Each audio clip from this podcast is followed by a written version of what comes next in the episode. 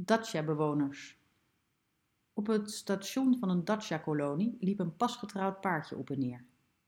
Hij hield haar bij haar middel vast, zij drukte zich tegen hem aan en beiden waren gelukkig. Achter wolkenslierten vandaan keek de maan fronsend op hen neer. Waarschijnlijk was zij jaloers en geërgerd over haar eigen saaie, nutteloze maagdelijkheid. De roerloze lucht was verzadigd van de sterke geur van seringen en vogelkers. Ergens, aan de overkant van de rails, riep een kwartelkoning. Wat heerlijk, Sascha, wat heerlijk, zei de vrouw. Je zou echt kunnen denken dat dit allemaal een droom is. Kijk eens hoe lokkend en vriendelijk dat bos eruit ziet. En wat lief zijn die stevige, zwijgende telegraafpalen. Die verlevendigen het landschap, Sascha, en laten je weten dat ergens in de verte mensen zijn en beschaving heerst. En geeft het je geen goed gevoel als de wind zachtjes het geluid van de naderende trein meevoert? Ja, maar wat heb je een warme handen? Dat komt omdat je je zo druk maakt, Varja. Wat hebben we vandaag voor het souper? Kwassoep en kip. Eén kipje is genoeg voor ons tweeën. En er zijn uit de stad sardientjes en balik gebracht. De maan verborg zich achter een wolk alsof zij tabak had gesnoven. Het mensengeluk deed haar haar eigen verlatenheid, haar eenzame bed achter de bossen en dalen beseffen. Daar komt de trein, zei Varja. Wat mooi. In de verte vertoonden zich drie vurige ogen.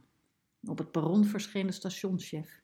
Langs de rails flikkerden hier en daar signaallampen. We wachten de trein af en dan gaan we naar huis, zei Sascha en geeuwde. Wat is ons leven goed, Varja? Zo goed dat je het haast niet kunt geloven. Het donkere monster kroop zonder geraas naar het perron toe en kwam tot stilstand.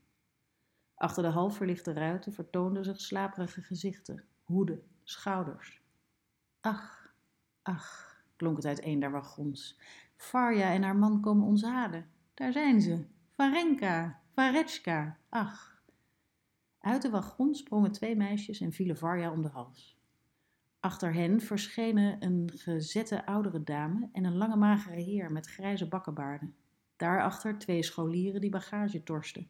Achter hen een gouvernante en tenslotte de oma. Daar zijn we dan, daar zijn we dan, beste kerel, zei de heer met de bakkenbaarden terwijl hij Sascha's hand drukte. Je hebt zeker lang staan wachten. Je was vast boos op je oom dat hij maar niet kwam. Kolja, Kostja, Nina, Viva, kinderen. Geef neef Sascha een zoen. We komen met z'n allen op je dak, met het hele gebroed, voor een dag of drie, vier. Ik hoop dat we jullie niet ongelegen komen. Alsjeblieft, geen plichtplegingen. Bij het zien van de oom en zijn familie schrokken de echte lieden zich een ongeluk. Terwijl oom praatte en hem begroette, zag Sascha al een heel tafereel voor zich. Zijn vrouw en hij zouden de gasten hun drie kamers afstaan. Kussens, beddengoed, de balik, de sardientjes en de kwassoep zouden in één seconde verorberd worden. De neefjes zouden de bloemen plukken, de inktpot omgooien, lawaai schoppen. En tante zou dagenlang over haar ziekte praten, lintworm en pijn in haar zij.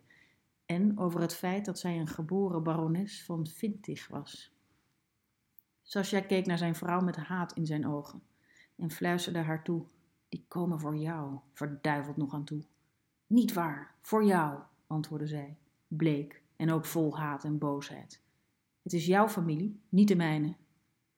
Ze keerde zich naar de gasten en zei met een minzame glimlach: Welkom hier. De maan keek weer door de wolken heen. Het leek alsof ze glimlachte, of ze blij was dat zij geen familie had.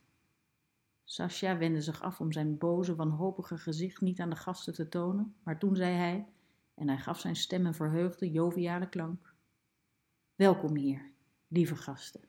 Wat een verrassing.